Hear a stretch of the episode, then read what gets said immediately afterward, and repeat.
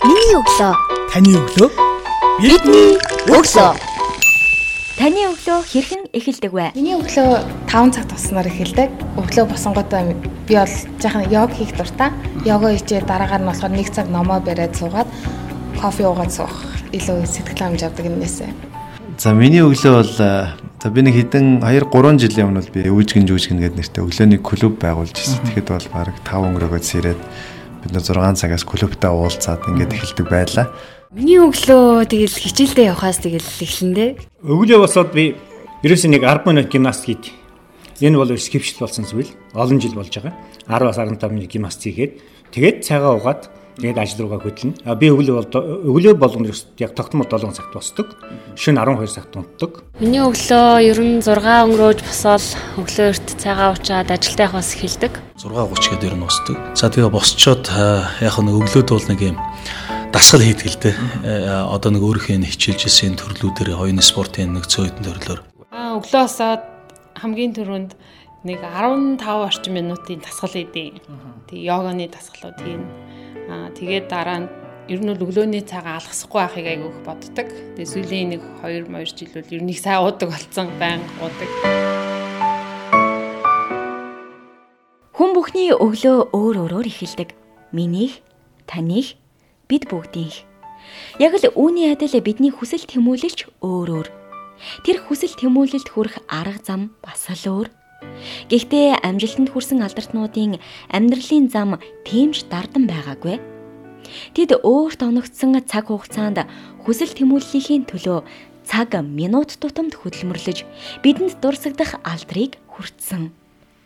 Үе тэнгийн залуус юу хийж бүтээж бидэнд тэгш заяагцсан тэрл цаг хугацаанд юуг бодож, юунд тэмүүлж явдгийг миний өглөө цуврал подкастаар дамжуулан бусад залуус түргэж, урам зориг, хүсэл тэмүүлэл бэлэглэх зорилготой билээ.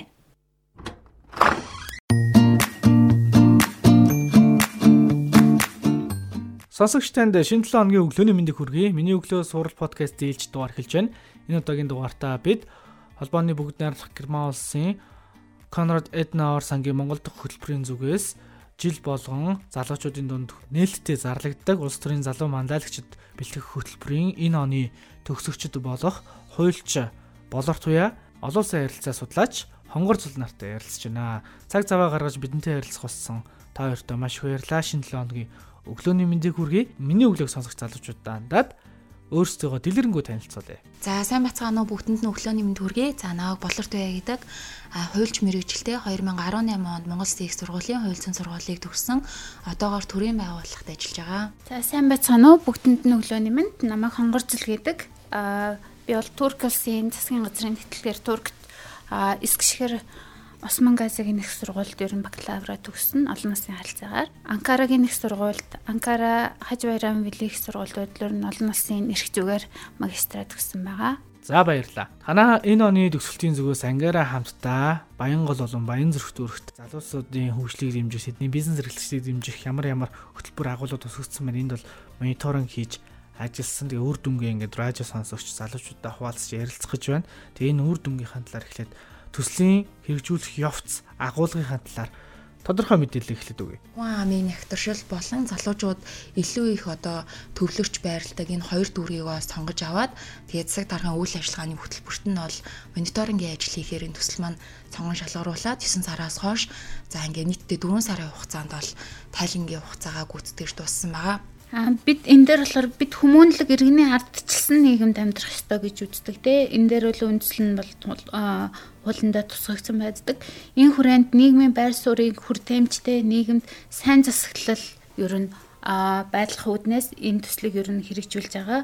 А нийтийн бүхий л оролцоо хангах залуучуудын дуу хоолойг бол нийгэмд олон нийтэд ер нь холбогдох албан тушаалтнуудад хүргэх бол бидний гол зорилго оршиж байгаа маа. Баянгол болон баян зүрхийн залуучууд тий.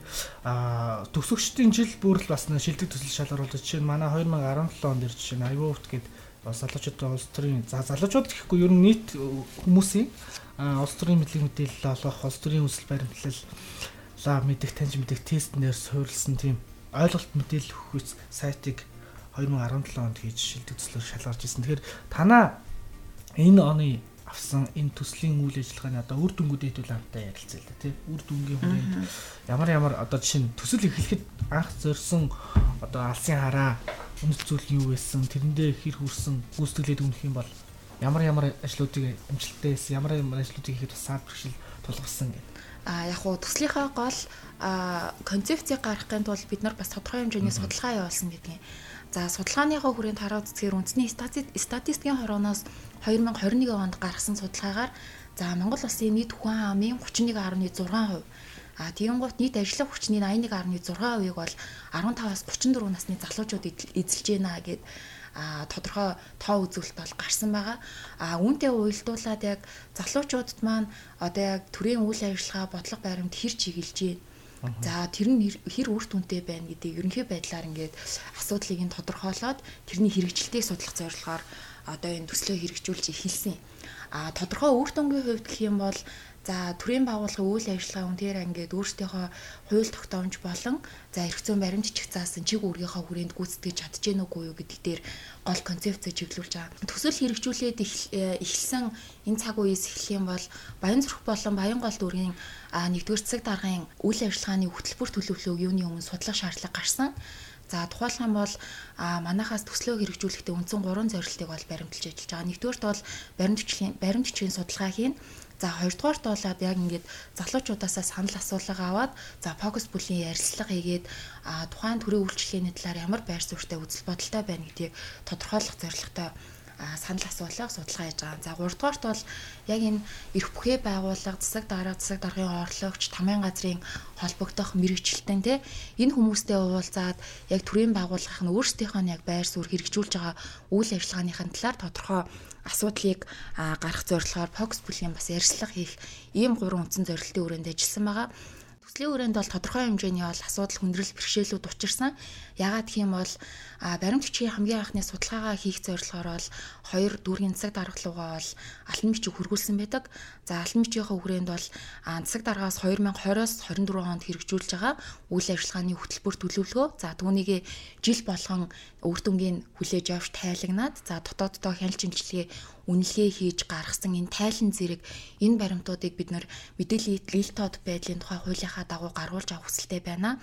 Ягаад гэх юм бол бид нар энэ одоо энэ баримт бичиг дээр тодорхой хэмжээний мониторингийн ажил хийгээд үр дүнгээ тооцож байна гэдэг алан бичиг бол хөргүүлсэн. Гэсэн хэдий ч бол 9 сараас 11 сарын хооронд 4 сарын хугацаатай хийсэн юм төслийн хугацаанд бол алан бичгийн бол хариу гэрүүлэг байгаа. Тэгэхээр энэ дээр бол хүндрэл бэрхшээл учирсан. За мөн түнчлэн засаг дарга, засаг даргын орлогч тэгээд тамийн газрын нийгмийн хөгжлийн хилтэс гэж байгаа. Нийгмийн хөгжлийн хилцэн холбогдох одоо энэ мэрэгжилтэн гэдэг эрх бүхий албан тушаалтнуудтай бол уулзалт зохион байгуулъя ингээд та нар яг энэ чиглэлийнхаа хүрээнд ямар үйл ажиллагаа хэрэгжүүлж хийсэн бэ? Тухайлх юм бол а бидрийнх бол 20-оос 24 оны үйл ажиллагааны хөтөлбөрийн гууд 20 болон 21 оны тайлангууд бол тодорхой хэмжээнд гарцсан байгаа. Тэгэхээр энэ тайлангаа та хэд яг юу гэж дүгнсэн юм бэ? Тэ?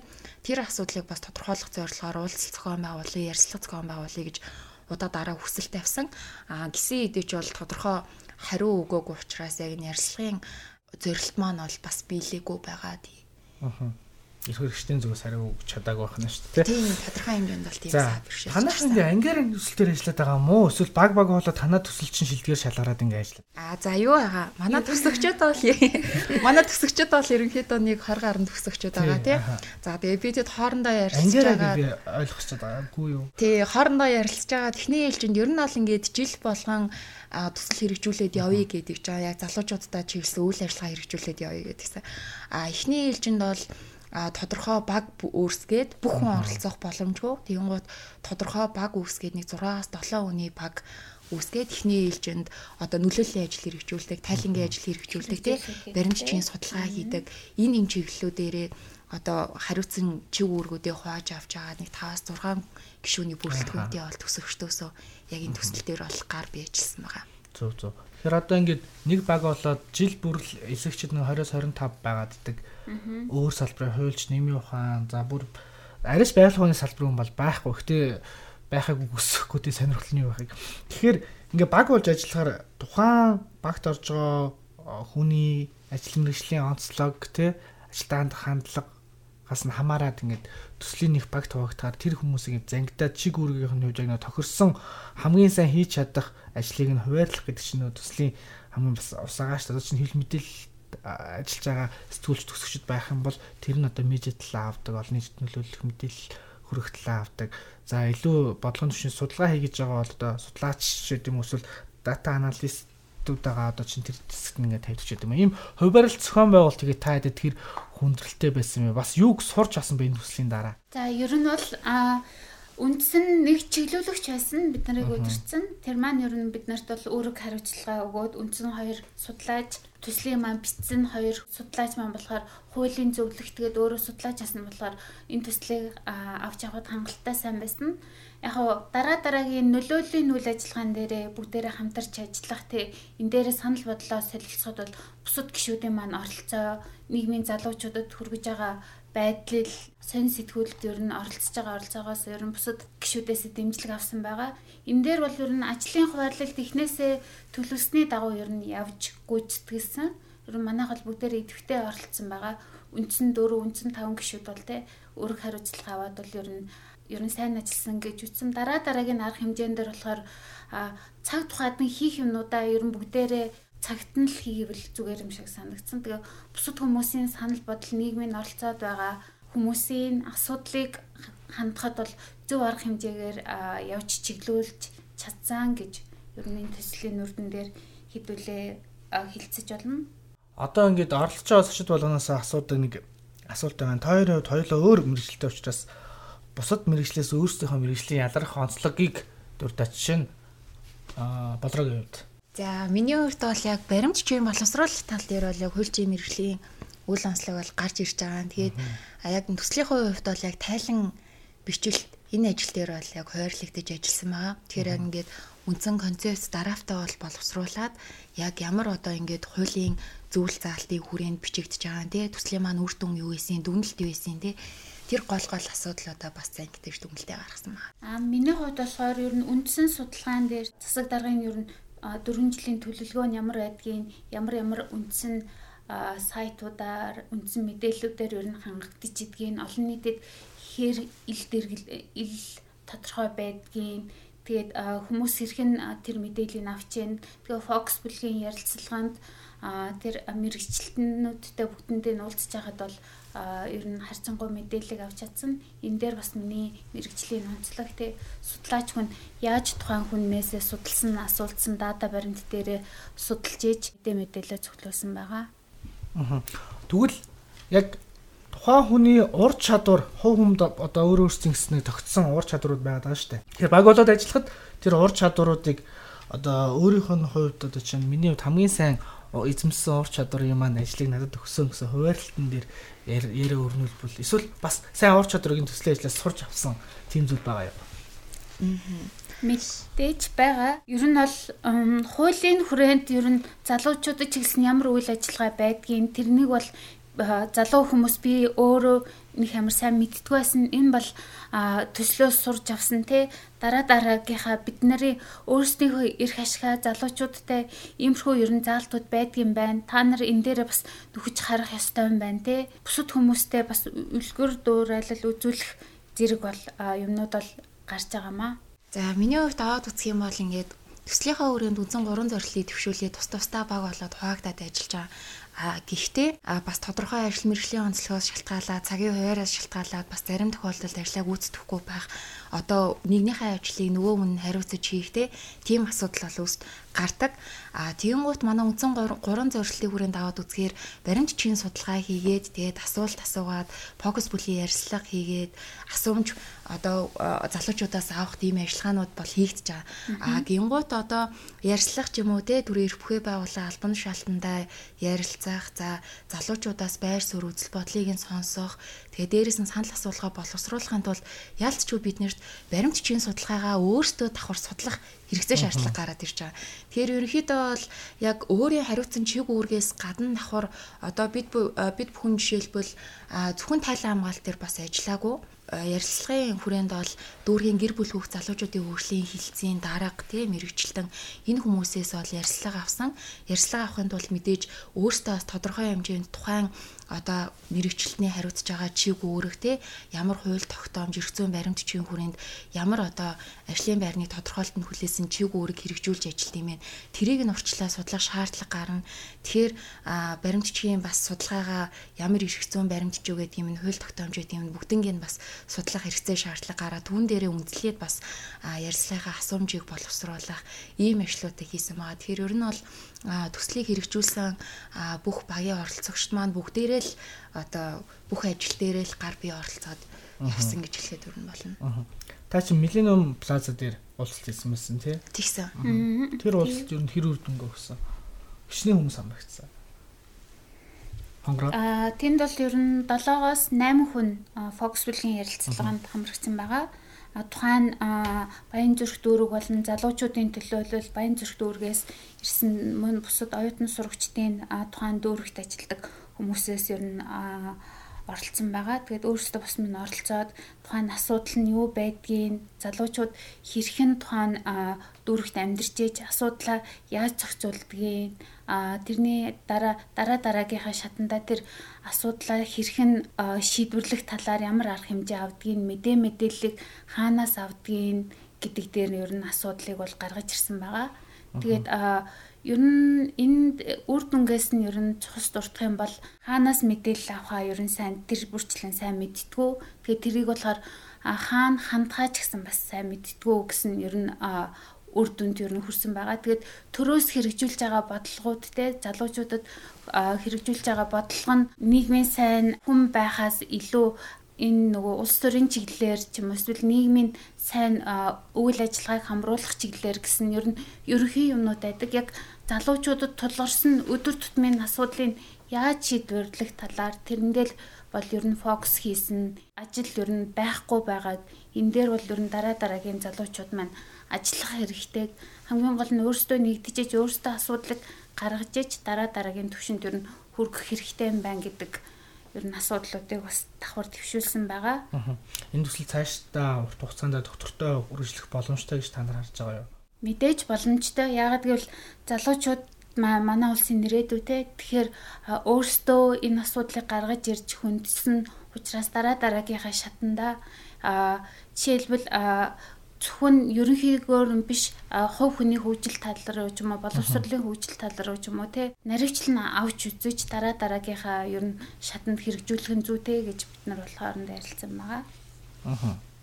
За. За сая хонгорогийнхаа хэлсэн дээр бас нэмж нэг зүйлийг дуртмаар санагдлаа.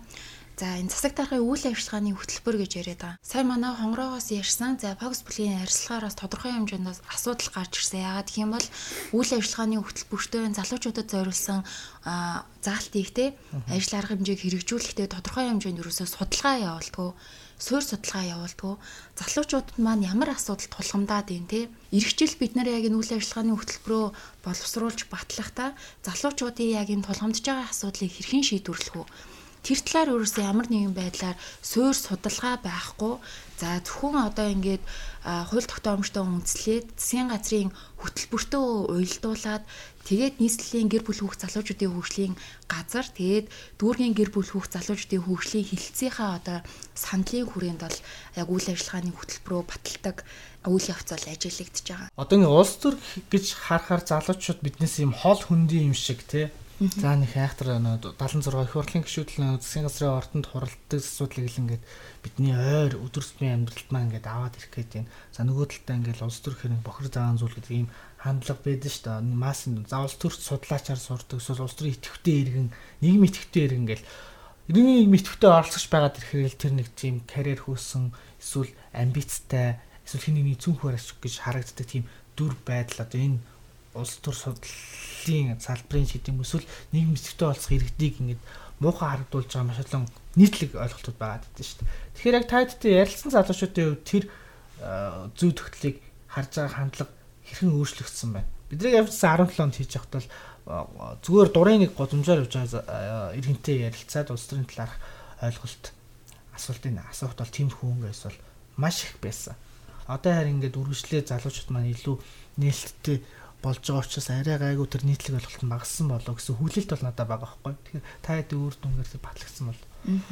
За бидний бидний ярилцлагт бол оролцсон залуучуудын хувьд бол ихэнх нь бол ингээд дээрх байр суурь дээр бол нээлттэй хандж исэн. За улс төрийн хүрээнд болон за бидрээс хэрэгжүүлж байгаа мониторингийн ажилд илүү ач холбогдол өгөөд за яг хэрэгжүүлж байгаа гол концепц нь юу юм те За яг энэ улс төрийн чиглэлээр хийж хэрэгжүүлж байгаа энэ цаашид гарах үр дүн нь юу юм?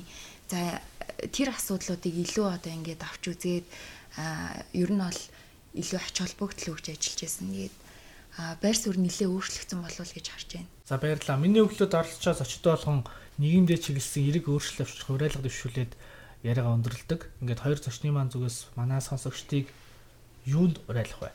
Нийгэмдэх залуучуудын оролцоо те ер нь учир шалтгаан нь шинэлэг зүйлийг ер нь илэрхийлээсэ гэж би хүсэж байна. Асуудлыг өөрсдөө гаргаж ирээд өөрсдөө шийддэг. Энийхээ төлөө тодорхой зорилгынхаа төлөө тууштай явдаг. Дараа дараагийнхаа залуучуудаа бас үлгэр жишээч үлгэр жишээч болох үс хамгийн гол нь хийсэн ажлынхаа их суурь нь юу юм те үндэс суурь нь эрх зүйн чиглэлээр хойно нь ямар хууль журман дээр байж ич дараа дараагийнхын шатн дээр ер нь хэрхэн явагдах талаар тэрэн дээр сайн судлаад дараа дараагийнхаа нийгэм залуучуудаа үлгэр дуулаад л болоосоо гэж ер нь хүсэж байна. За миний хувьд гэх юм бол яг төсөл хэрэгжүүлээд эхэлж байгаа хавцад бол зөвхөн яг үйл ажиллагааны хөтөлбөртөө мониторинг хийн гэсэн ажлыг бол яг ингээд ямар ч барьцгүйгээр ер нь сонгож авсан үйл ажиллагааны хөтөлбөр нь юу байдгийг те хөтөлбөрийнхаа хүрээнд ямар тайлан тусагддгийг ямар үйл ажиллагаа явуулдгийг Гэт яг судлаад явсан чинь бол Баян зүрх болон Баян гол дүүргүүдээс нэлээ их залуучуудад чиглэсэн төсөл хөтөлбөрүүд хэрэгжүүлдэг болж таарсан. За үүнийг бас санал асуулгах дээрээ 237 залуучуудыг хамруулад авсан гэдгийг. За тиймгүүд бид нар яг өөртөө төсөл хэрэгжүүлж байгаа хүмүүс За ингээ 237 залуучуудаас бас төслийнхаа үр дүнг аваад яг энэ дээрх хэрэгжүүлж байгаа төсөл хөтөлбөрийг мэдж гэнэ үгүй юу гэдгийг бас тандал судалгаагаар авч байгаа.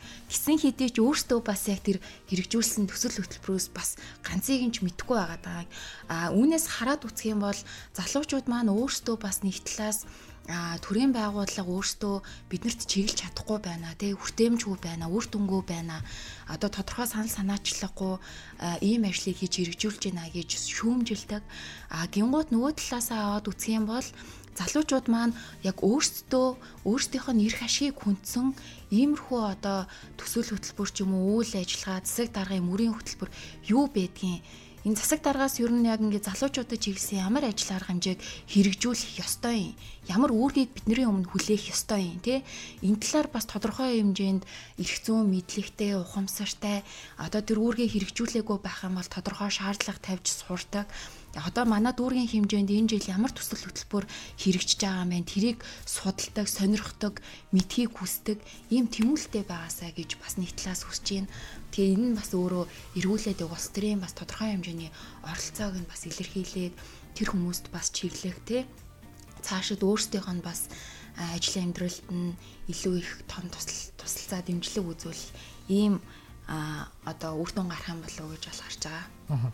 За баярлалаа. Цай зав гаргаж хүрэлцэн ирсэнд сонсогч танд миний өглөө сурал подкаст ээлж дугаар хүрлээн удаагийн дугаартаа бид холбооны бүгд найдах Герман улсын Конрад Эдна Орсангийн улс төрийн залуу манлал хөтөлбөрийн 2022 оны төгсөлтийн төгсөгч, эсэлтийн төгсөгч болор туяа болон хонгор зул нартай ярьслаа. Та бүхэн хийж хэрэгжүүлсэн төслийн одоо ажлынхаа ард амжилттай гарсан дахин баяр хүргэе. Шинэ оны бас бараг сүүлийн доор байж магадгүй юм. Ингээд эх хондоо илүү олон ажлыг амжуулж ажил одоо хувийн амьдрал те бүх зүйл дээр дээшээ өөдөө байхын эрүүлэг тавиад энэ удаагийн дугаар өндөрлөё. За их баярлалаа. За баярлалаа.